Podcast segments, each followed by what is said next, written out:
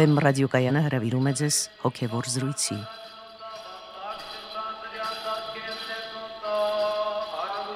Սիրելի ունկնդիրներ, Վեմ ռադիոկայանի եթերում են արժանապատիվ Տեր Մեսրոպ Քահանա Արամյանը եւ Արա Սարգսակյան Նալչաջյանը։ Այսօրվա մեր զրույցը խղճի մասին է։ Օշնյա Տեր հայր։ Աստված օշնի։ Տեր այր խիղճ երևույթը այն եզրերից, այն հասկացություններից է, որոնց վերաբերյալ կարծիքները, խոսակցությունները հասարակության մեջ առավել հաճախակի են հնչում։ Մասնավորապես նկատի ունեմ խղճի, խղճի ազատության հետ կապված քննարկումները, որ հաճախակի են վերջին տարիներին։ Փորձենք այսօրվա մեր զրույցի ընթացքում parzabanել, թե ինչ է իրենից ներկայացնում խիղճը, ինչ է այդ խղճի ազատություն կոչվածը եւ ինչպիսի ակունքներ, ինչպիսի արմատներ ունի այն։ Նախ ուրեմն խիղճ հասկացությունը Ինչ է դա։ Կա արդյոք որոշակի սահմանում, որ մենք կարողանանք հստակ եզրերով սահմանել, ահա խիղճը սա է։ Իսկապես բարերը ստանում են տարբեր երանգավորումներ, տարբեր իմաստներ են ձեռք բերում եւ թե ինչպիսի իմաստներ նրանք ունեն այդ բարերը տվյալ ժամանակաշրջանում, էապես կախված է հասարակության, մարդկության հոգեվոր վիճակից ասեմ, որ խիղճ բառը, խիղճ հասկացությունը ինքը շատ խորը հոգևոր հասկացություն է եւ դա բազմիցս օգտագործվում է Սուրբ Գրքում, հատկապես առաքելական թղթերում։ Եվ եկեղեցու հայրերի միաձայն մեկնաբանությամբ խիղճը Աստծո կողմից մարդու մեջ դրված մի յուրահատուկ մի մեխանիզմ է, եթե կարելի այսպես ասել, աստվածային լույսի ներկայությունն է, աստվածային կայծն է մարդու մեջ, ըստ որի մարդը ունի ներքին ինքնահանդիմանական, ինքնաճշգրտման հնարավորություն։ Այսինքն որոշակի ձայն, ասում են խղճի ձայնը, անընդհատ մարդուն ուղղորդում է դեպի բարին։ Մարդուն փորձում է բերել դեպի ճշմարտության դաշտ։ Որքանով որ մարդը հոգևոր է, հոգևոր կյանքով է ապրում, այնքան այդ խղճի ձայնը առավել ազդու է այդ մարդու կյանքում։ Որքանով մարդը ընկղված է մեղքերի մեջ, այնքան այդ խղճի ձայնը շատ աննշանակալից մի դեր է կատարում մարդու կյանքում։ Եվ եկեղեցու հայրերը ասում են, որ այդ խղճի ձայնը, օրինակ,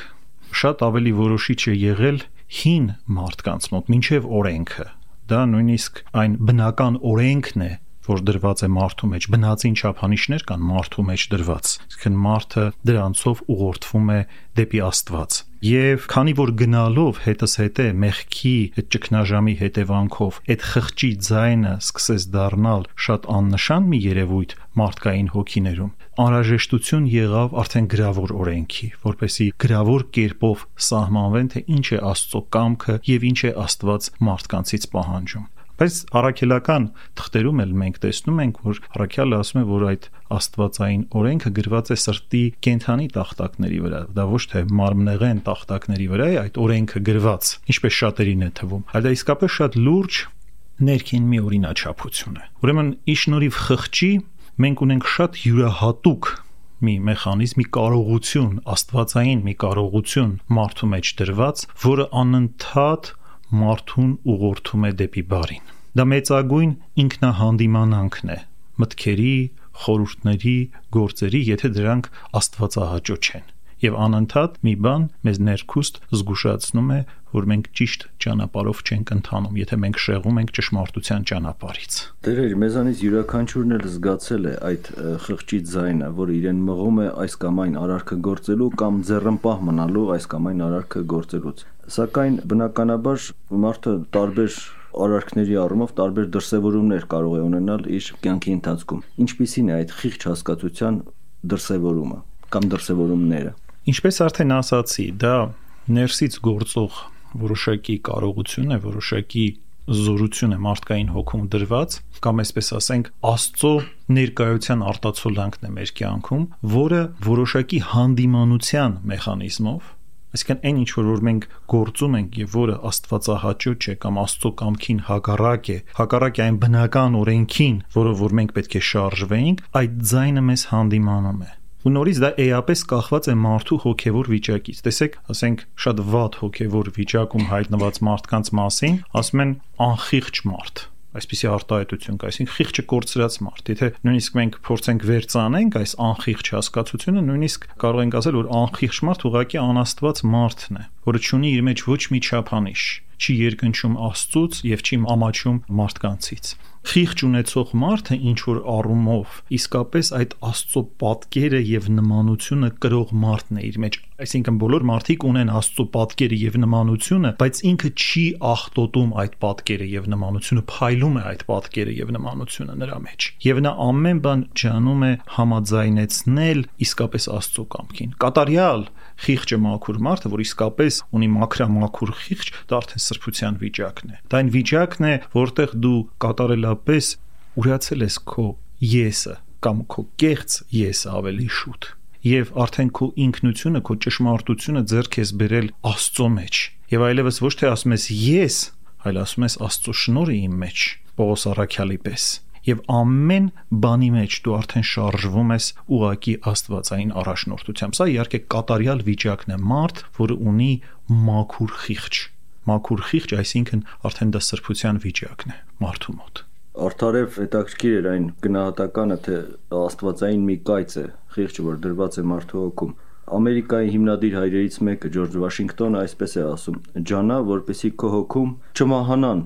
այն փոքրիկ կայծերը երկնային կրակի, որ կոչվում է խիղճ։ Եվ կարծեմ, թե սա խորապես քրիստոնեական ըմբռնում է, քանի որ եկեղեցու հայրերից ուսուցիչներից շատերն են անդրադարձել այս հարցերին, մասնավորապես օրինակ Աբա Դորոթեոսը, որը հենց կարծես թե նույնատիպ արտահայտություն է գործածում խղճի նկատմամբ, ինչ որ Ջորջ Վաշինգտոնը, որ խիղճը աստվածային մի կայծ է դրված մարդկային հոգում։ Ավակի աստվածային նախախնամությունն է համաձայն Դորոթեոսի Աստծո լույսն է, Աստծո ներկայությունն է մարդու մեջ,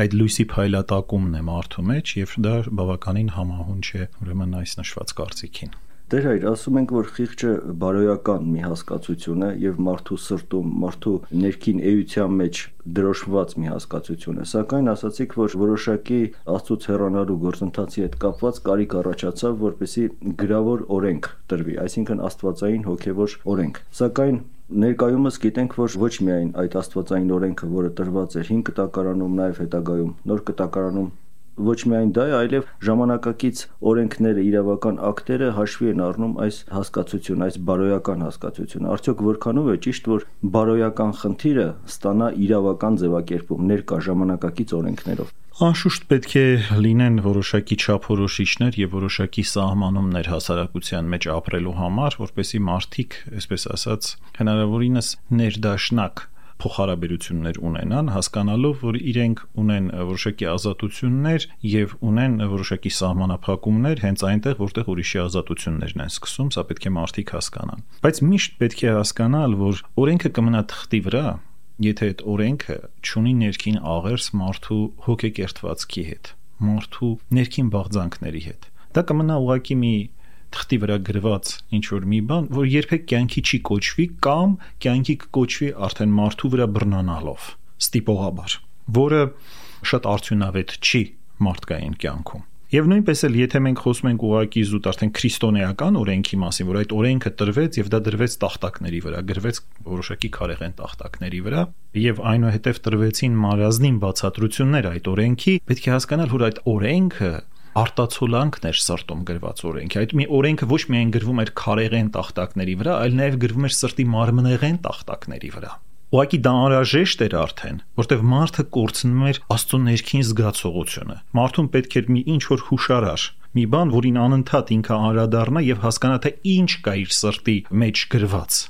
Եվ ի վերջո ես կարող եմ ասել, որ արդեն իրական կապը մարդկային խղճի հետ հաստատվեց մեր Տեր Հիսուս Քրիստոսի մարդեղությամբ։ Երբ որ տեսանք արդեն Աստվածային ամբողջ ճշմարտությունը խտացված, մարմնացած մեր Տեր Հիսուս Քրիստոսի մարդեղությամբ եւ հասկացանք թե որն է մարդկային գոյության կատարյալ վիճակը։ Կարող եմ ասել, որ մինչեւ Քրիստոս այդ ներքին օրինաչափությունը հասկանալ, նույնիսկ բնական օրենքի առանձնահատկությունը, թե ինչպես են դրանք սրտի մարմնեղեն տախտակների վրա գրված, անհասկանալի էր։ Քրիստոսով է բացահայտվում մեզ համար եւ մեզ իրական հնարավորություն է տրվում հաղորդակից լինել այդ ճշմարտություններին։ Արդեն այստեղ մենք խոսում ենք արխայության վիճակների մասին։ Տեսեք, մինչև Քրիստոս ոչ ոք չէր կարող ասել, որ երկնքի արխայությունը ձեր մեջ է։ Երկնքի արխայությունը դա մի հասկացություն էր, որ մարդուց դուրս էր, վեր, անհասանելի նույնիսկ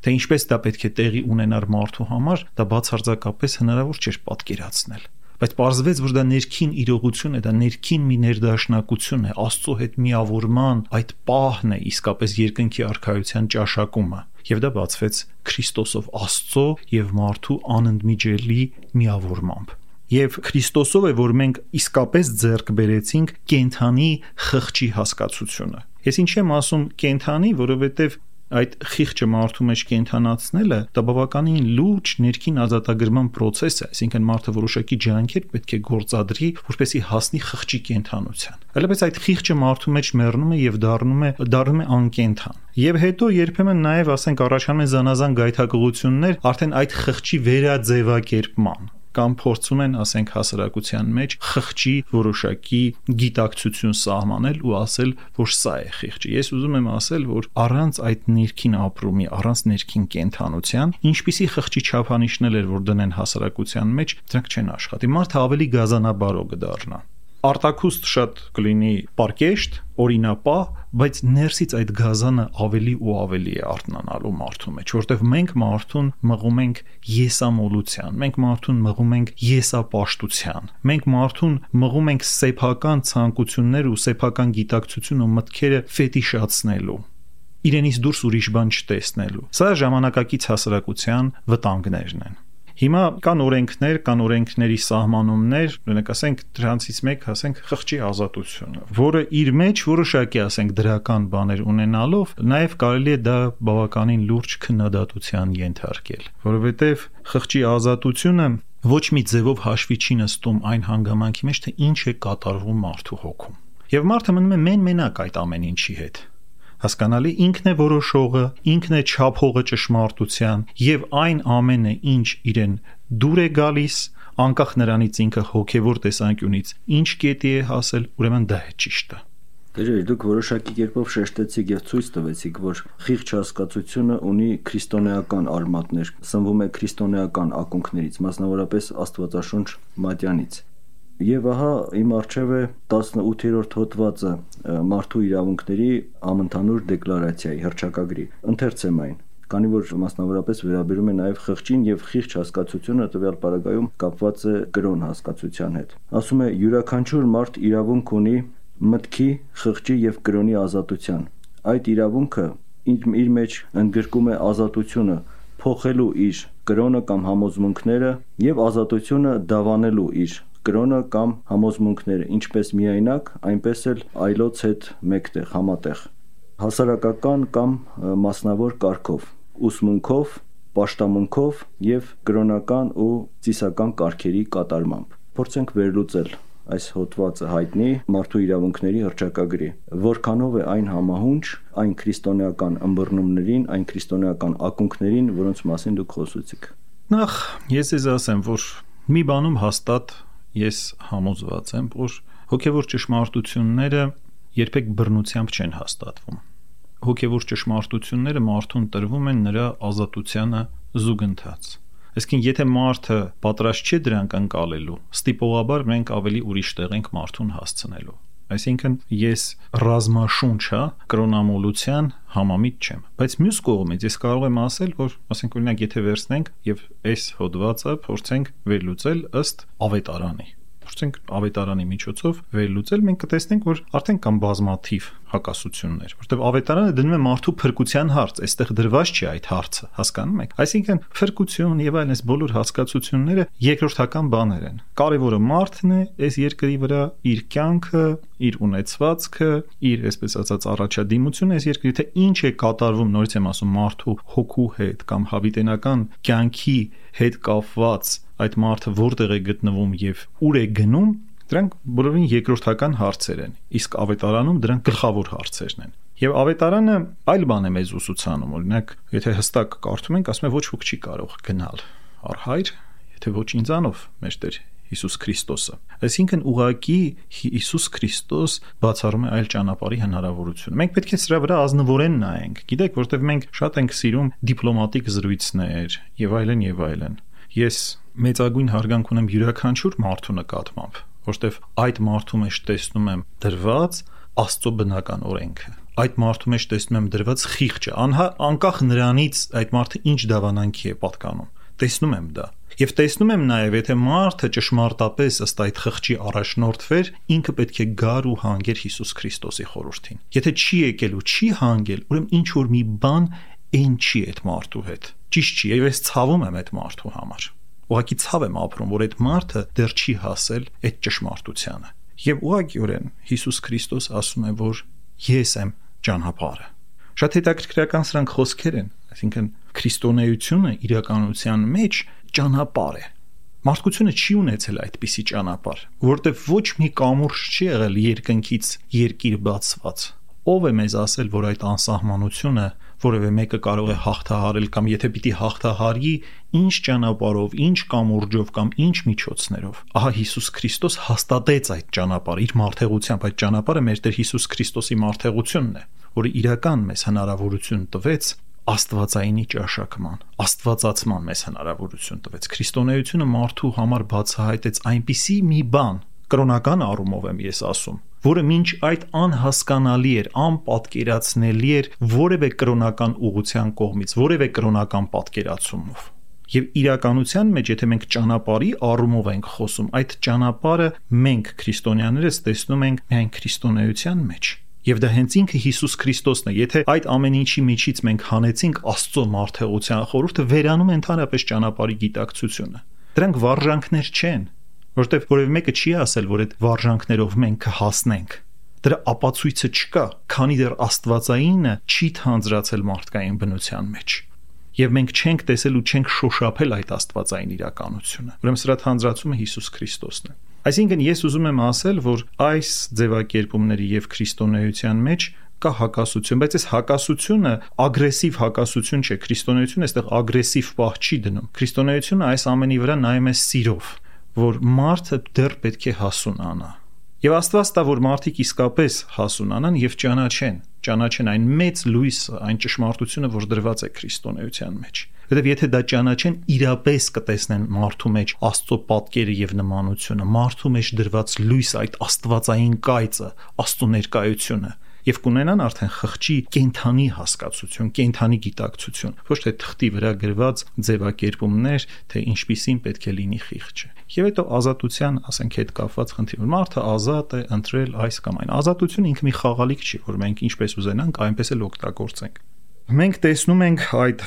ազատության ահավոր չարաշահումներ։ Մենք տեսնում ենք, թե ինչպիսի աղավաղումների է դա տանում ընդհանրապես։ Նորից, երբ ես սա ասում եմ, սա չի նշանակում, որ ես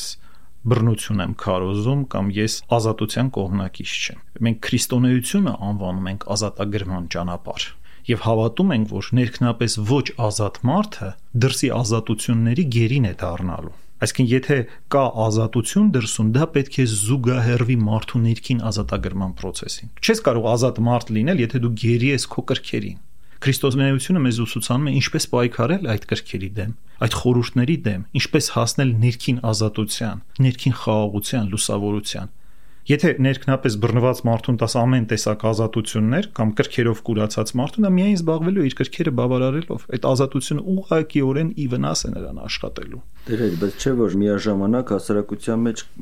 ապրում են եւ սուրբեր եւ մեղավոր մարդիկ, այսինքն ներքին ազատության տարբեր աստիճաններ ունեցող մարդիկ, իսկ եթե ընդունվում է իրավական ակտ, թեկոզ եւ ոչ իմպերատիվ, այլ դեկլարատիվ բնույթի, ինչպես այս հռչակագիրն է մարդու իրավունքների, դա վերաբերում է բոլորին համահավասար կերպով թե ներքին ազատություն ունեցող մարդկանց եւ թե չունեցողներին։ Ուրեմն ինչպիսի կարգավորիչ ֆունկցիա կարող է ունենալ նման իրավական ակտը արտակուստ տրված։ Ճիշտ է, որ որոշակի նորից եմ ասում սահմաններ պետք է դրվեն մարդկային փոխհարաբերությունները, մարդկային հասարակարգ ընդհանրապես կանոնակարգելու համար։ Ես դա արդեն ասացի, բայց հարցը նրանումն է, որ տեսեք, դու ազատ ես ընտրել այս կամ այն դավանությունը, ազատ ես ընտրել քո ազգությունը, ազատ ես ընտրել միգուցե ասվի չարը կամ բարին, ինչ ուզես կընտրես։ Այսինքն չկա այստեղ չափանիշ իրականության մեջ։ Օրինակ, ասենք, այս դիտարկման մեջ, որը մեկը կարող է ասել, թե որն է բարին եւ որն է չարը Մարդը ազատորեն կարող է իր կրոնը փոխել։ Ազատության վրա է շեշտը դրված, այլ ոչ թե կրոնի ճշմարտության կամ ճշմարտացիության։ Հենց այստեղ է խնդիրը, որ օրինակ հենց դրա համար է, որ Տերը Պիղատոսին չպատասխանեց։ Հասկանալի է։ Երբ Պիղատոսը հարցրեց. «Ինչ է ճշմարտությունը»։ Երբ կանգնած ես ճշմարտության առջև եւ փորձում ես այլ հարթության մեջ, տրամաբանական հակասությունների հարթության մեջ ճշմարտություն փնտրել, քեզ պատասխան չի տրվում։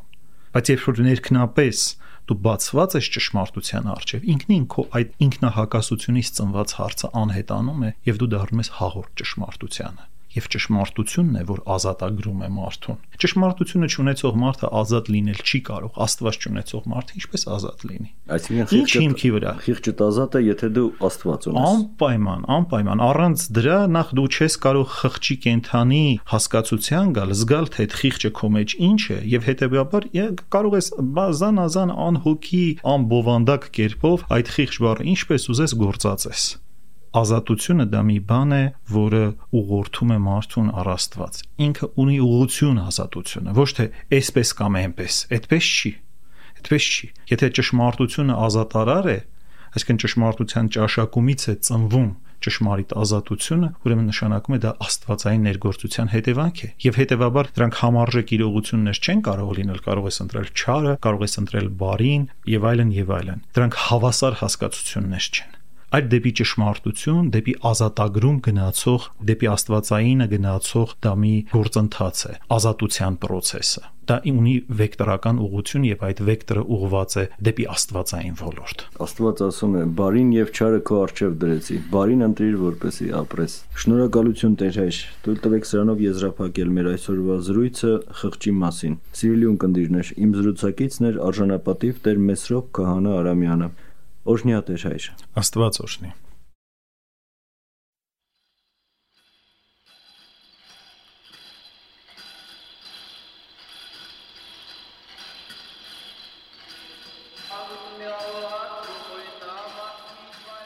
Հոգևոր զրույցներ հաղորդաշարի հերթական հաղորդումը վարեց